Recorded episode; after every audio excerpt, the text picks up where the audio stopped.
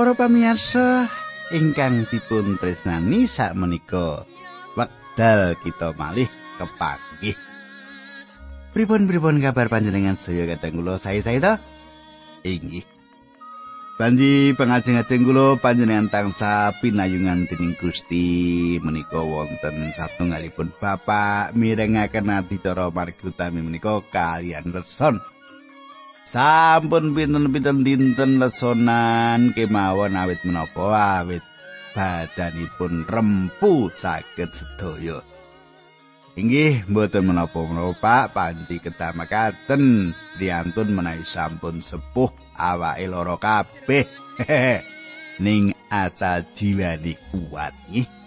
Keteng kula kula Prita Pujianto badhe sesarengan kalian panjenengan kados padatan. Inggih menika ing salebetipun adicara margi utami adicara ingkang sampun dados kelangenan panjenengan lan tansah diantos santos. Monggo nyaket kalian kula mriki wedange digawa nek duwe wedang nggih. Aja wirawiri rono rene engko ora cetha. Nggih. Sugeng midhangetaken adicara menika.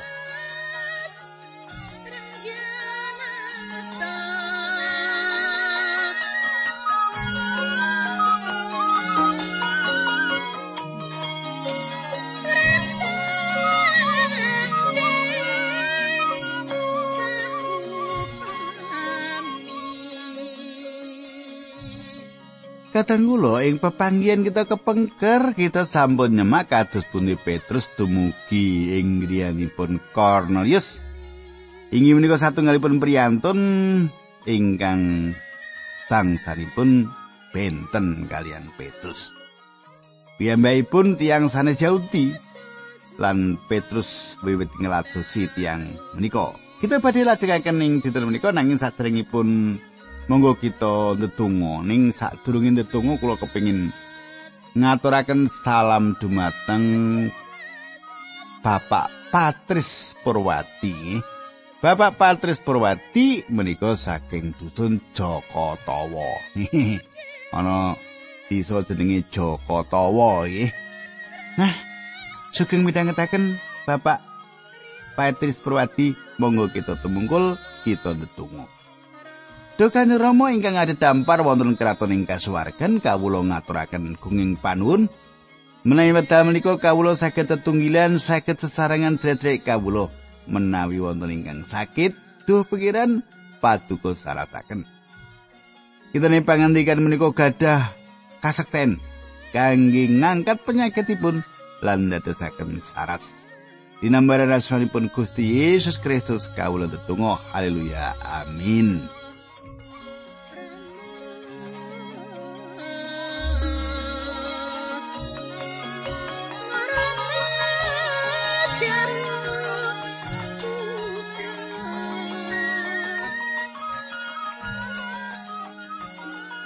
Kadang kula ingkang kula tresnani samenika pasinaon kita sampun ngancik kitab para rasul sedasa ayat 29.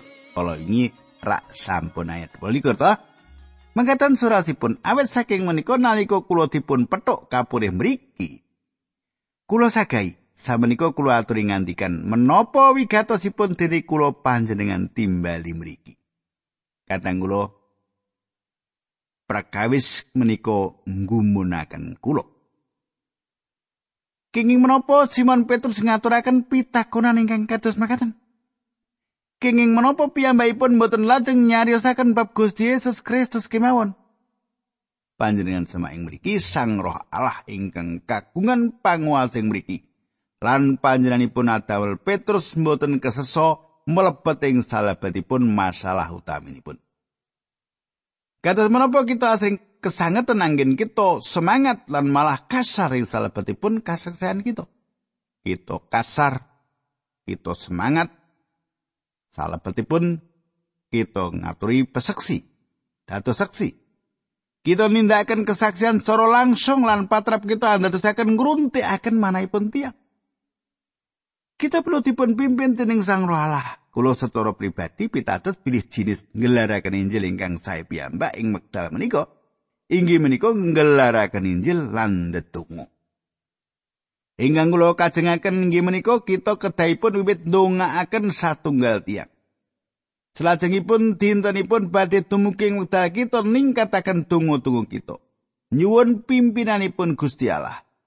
Kula mangertos Gusti Allah badhe mimpin panjenengan.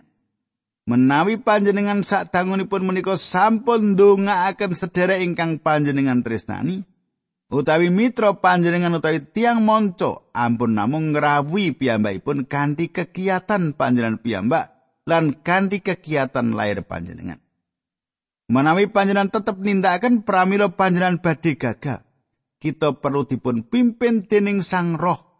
Kita kedah saestu-estu ngatos-atos sing salebetipun atur pasaksi kita. Petrus Budidaya mangertos menapa ingkang sawektu mados. Samenika kula lajengaken maos bab sedasa para rasul ayat 3 dosa ngantos 3 dosa. 6 Cornelius banjur mangsuli wetawis tigang dinten kapengker nalika kula ngleresi ndedonga jam 3 siang wonten ing griya kula wonten malaikat rawuh ngagem ageman kilap jumeneng wonten ing ngajeng kula. Malaikat wau ngendika Cornelius, Gusti Allah wis miyarsakake pandongamu lan ngengeti nggonmu seneng dedono. Kongkono wong menyang kutha Yope, konon ngundang wong sing jenenge Simon Petrus Petrus mau nginep ana ing omahe tukang samak jenenge Simon sing omahe ana ing pinggir segara. Menika sebabipun kula enggal-enggal ngaturi panjenengan lan saking saene penggalih panjenengan, panjenengan sampun kersa tindak mriki. Samenika kula sampun sami ngempal wonten ing mriki wonten ing ngarsanipun Gusti Allah. Kepengin mirengaken menapa kemawon ingkang sampun kadawaken dening Gusti Allah ingkang perlu panjenengan wedharaken dhateng kula sedaya.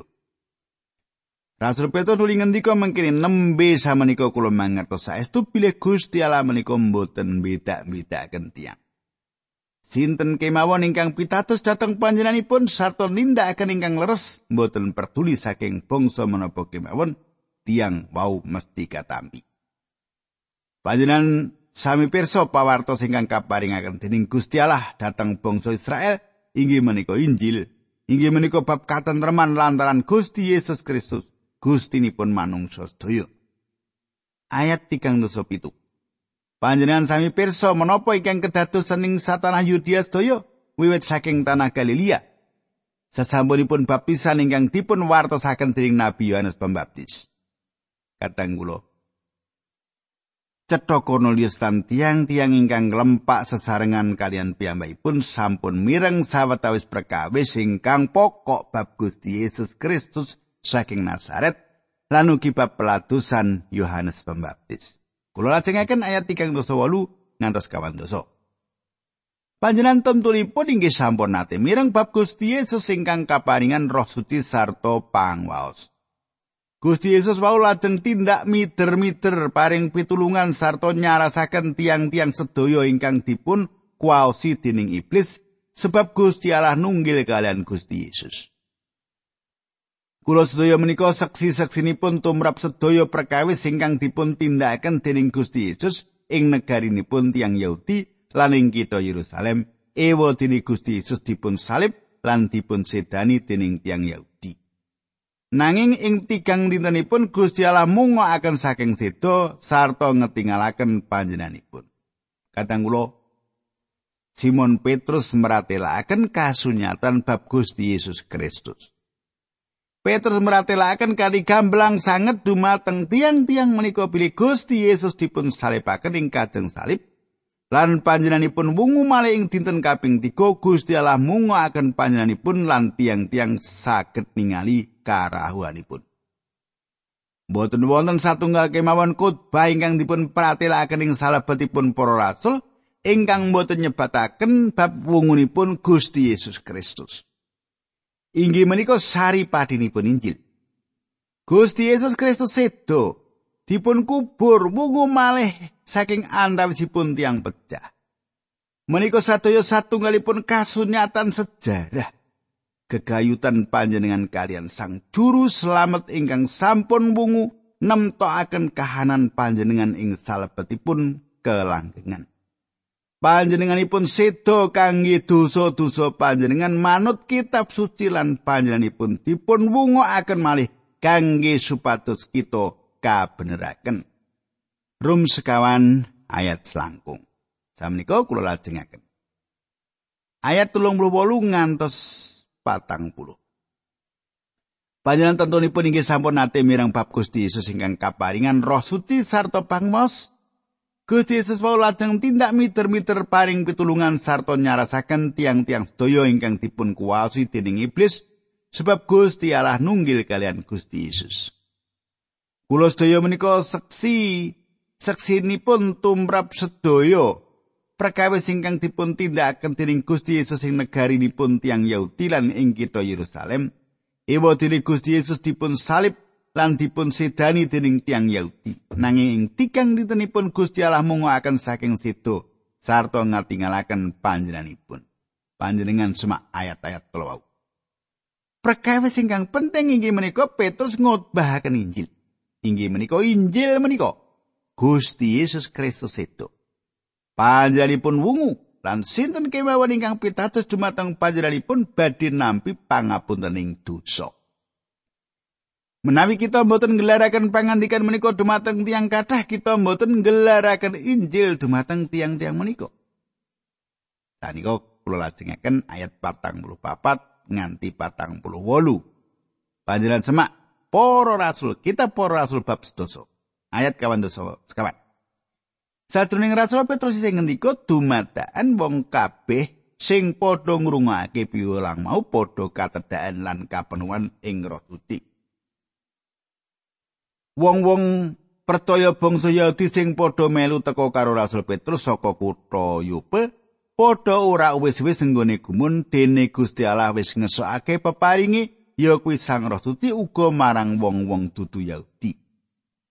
Wong-wong Yahudi padha krungu yen sing padha katedhakan Roh Suci kuwi padha caturan nganggo basa-basa sing aneh lan padha memuji kamulyane Gusti Allah. Rasul Petrus nuli ngandika. Delengen wong-wong kuwi iya wis padha nampa roe pangeran, ora beda karo kita. Apa ana wong sing bisa ngalang-alangi menawa wong-wong iki padha dibaptis nganggo banyu? Rasul Petrus uli akon wong-wong sing padha katedhakan Roh Suci mau dibaptis ing asmane Gusti Yesus. Sawise kuwi wong-wong mau padha nyuwun supaya Rasul Petrus kersa nginep ana ing omahe wong-wong mau sawetara dina maneh. Kadang kula lelampahan menika dipun sebat Pentakosta kangenipun tiang sanes Yahudi. Petrus gumun sanget ningali kasunyatan pilih tiang sanes Yahudi kedah nampi Sang Roh Suci. Ing wedal saro suci kasoaken kapireng kanthi cetha sawetara tiang-tiang menika ngginakaken basa roh.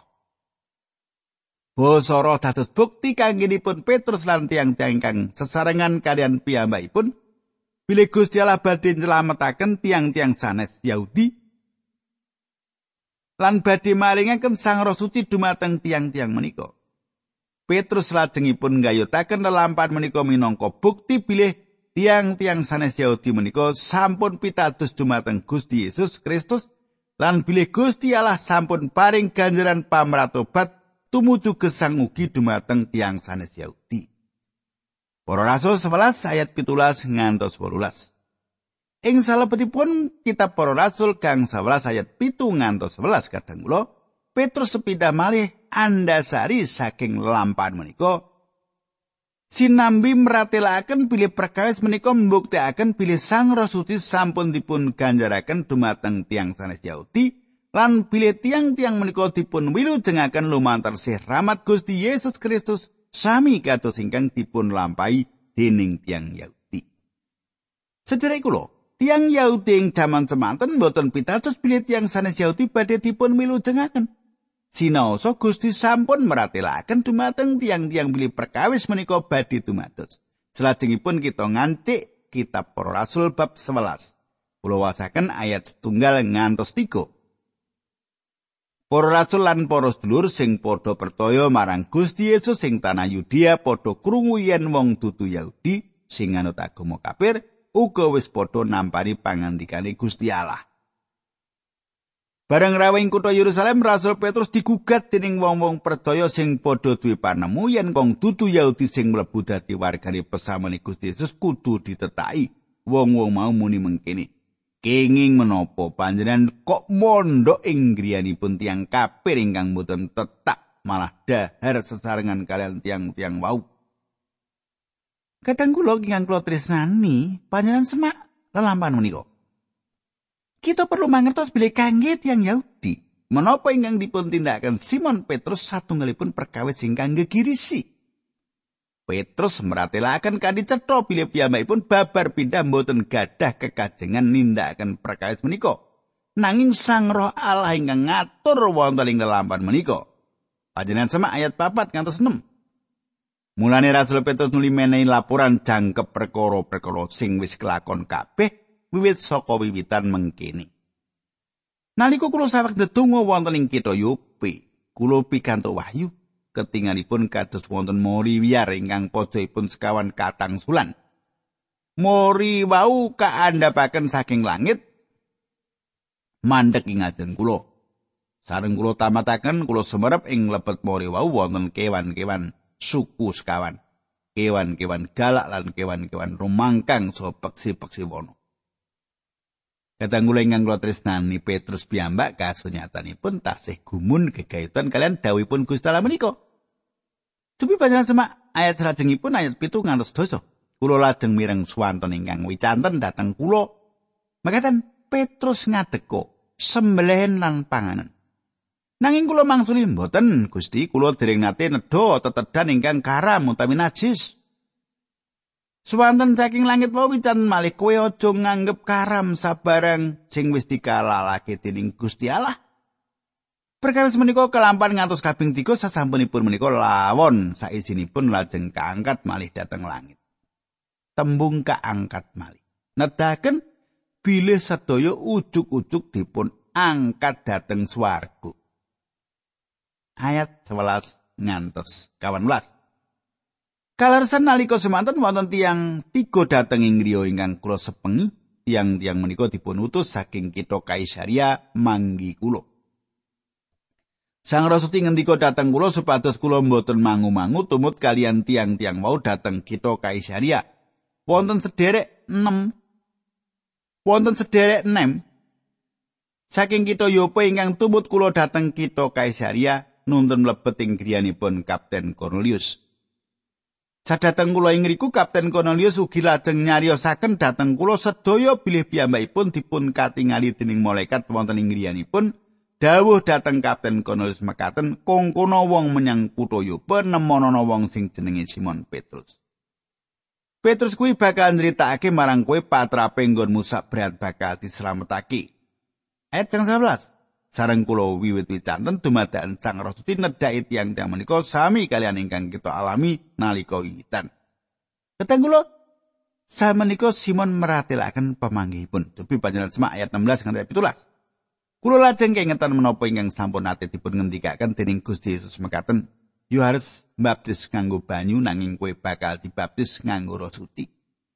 Trono mengaten cetha pilih Gusti Allah piyambak sampun maringaken dhateng tiang-tiang sanes Yahudi peparing ingkang sami kalian ingkang kita tampi nalika kita pitados dhateng Gusti Yesus Kristus. Awit sinten to kula menika? Kok wani ngalang-alangi Gusti Allah? Kadang kula. Ingkang dipun kersakaken Sang Roh inggih menika kangge nyukani bukti dhumateng Simon Petrus. Bilih Sang Roh Suci sayektosipun sampun makuwon atas tiang-tiang kala wau.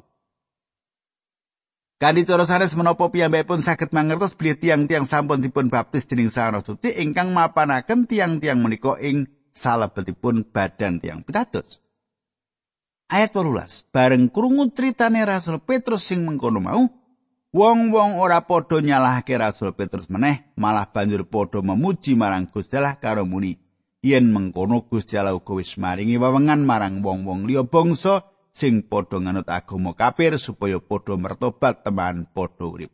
Kadang kula Samenika tiang-tiang ingkang nganut Yudaisme mboten gadah kawratan sanes sawit perkawis menika cetha asalipun saking Gusti Allah. Dados tiang-tiang kala wong ngluhuraken Gusti Allah menika satunggalipun dinten ingkang ageng kori sampun dipun bikak kangge tiang sanes Yahudi. Kita samenika nyemak bilih Injil samenika sampun dipun cawisaken supados sumebar ing pojok ing jagat. Para rasul 11 ayat 19 ngantos kali dosa makaten surasipun. Wong-wong pratoya padha buyar merga saka panguyo-uyo sawise Stefanus dipateni.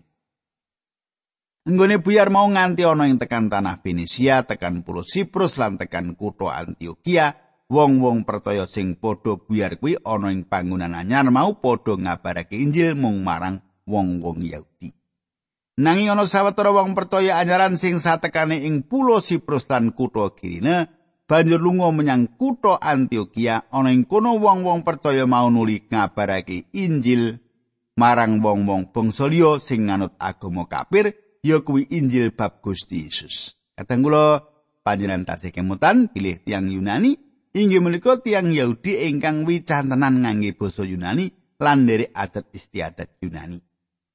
Samenika ayat selikur ngantos rolikur panguasane Gusti Yesus nunggil karo wong-wong pratoya mau. Lan akeh wong sing sawise nampa pawarta nuli padha pratoya lan mratobat marang Gusti Yesus.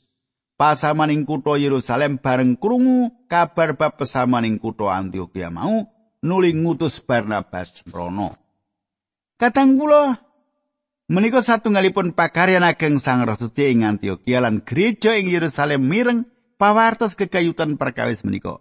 Dados gereja Yerusalem ngutus Barnabas dateng Antioquia. Samenika ayat 33 ngantos 21 satekane ing kono Barnabas weruh wong-wong pratoya ing kono padha kaberkahan dening Gusti Allah. Barnabas bunga banget lan ngatak para sedulur-sedulur sing pratoya mau supaya kelawan mantep padha tetep setya lan tulus percayane marang Gusti Yesus. Barnabas kuwi wong becik sing kapenuman ing Roh Suci lan pratoya. Akeh wong sing merga piwulangi nuli padha pratoya marang Gusti Yesus. Kadang kula menika satunggalipun perkawis ingkang gumunaken kekayutan kalian Barnabas. Piyambakipun menika tiyang ingkang sae kapenuhan Sang Roh Suci lan kapenuhan ing iman. Piyambakipun wiwit mituturi lumantar khotbah lan wudalan lan pasaman tubuh awit kathah tiyang ingkang dipun tuntun dumateng Gusti. Ayat selangkung ngantos 6 likur. Sawise kuwi Barnabas mlilunga menyang kutha Tarsus nggoleki Saulus. Bareng wis ketemu Saulus nuli diajak menyang kutha Antioquia. Barnabas lan Saulus ana ing pesaman kono mulang wong akeh nganti setahun lawase ya ana ing Antioquia kono para murid Gusti Yesus wiwit disebut wong Kristen. Kadangku wonten ing mriki tiang-tiang pitados dumateng Gusti Yesus Kristus ingkang kawitan pindah dipun sebat tiang-tiang Kristen. Menika satunggal nami ingkang ngedapi-dapi. Ayat 17 ngantos 29. Nalika semono ana nabi sawetara saka kutha Yerusalem teka ing kutha Antioquia. Ing antarané nabi-nabi mau ana sing jenenge Agabus. Agabus mau merga kawangse dening Sara Suci meto yen ing salumaing bumi bakal ana pailan gedhe. Pailan gedhe mau kelakone nalika Kaisar Claudius ngasta pemerintahan. Para murid mau nulis sarujuk ngirim sumbangan marang para sedulur nunggal prataya sing padha ana ing tanah Yudea saben wong miturut kekuatane lan lilani atine dewi-dewi. Sawise nindakake mengkono duit-duit sumbangan mau dikirimake barang para pinituwani pesamaning kutha Yerusalem lantaran Barnabas lan Saul. Kateng kula, nalika satunggalipun bencana pailan umum, nanging pengaruhipun ingkang utami dipun raosaken ing Yerusalem ing pundi-pundi gereja dipun aniaya. Gunggungipun nyelot kirang lan dipun tatoni. Gereja-gereja kalawa saestu miskin ing jaman semanten. saestu ngremenaken nyemak semangat pasederekan katresnan ingkang manunggalaken gereja ingkang kawitan. Emut Bilih Saulus inggih menika salah satunggal ing antawisipun tiang-tiang ingkang nyebabaken gereja kebak panandang ing Yerusalem lumantar panganiayanipun ingkang kejam dumateng gereja-gereja. Nah, kateng kula kita pungkasi semanten numiyin kita badhe semak ayat-ayat salajengipun saking kitab para rasul menika nanging wonten ing pepanggihan salajengipun nggih awit saking menika minjang menawi pepanggihan malih ampun ngantos panjenengan kata lumben Nah kateng kula matur nuwun serat-serat panjenengan lan monggo kita tumunggul. Kanjeng Rama ing swarga kawula ngaturaken kuing panuwun menawi kawula dinten menika sampun saged sinau perkawis-perkawis ingkang penting saking kitab para rasul menika. Kawula pasrahaken sedherek kawula menika wonten ing asta paduka linambaran asmanipun Gusti Yesus Kristus. Kawula ndedonga. Haleluya. Amin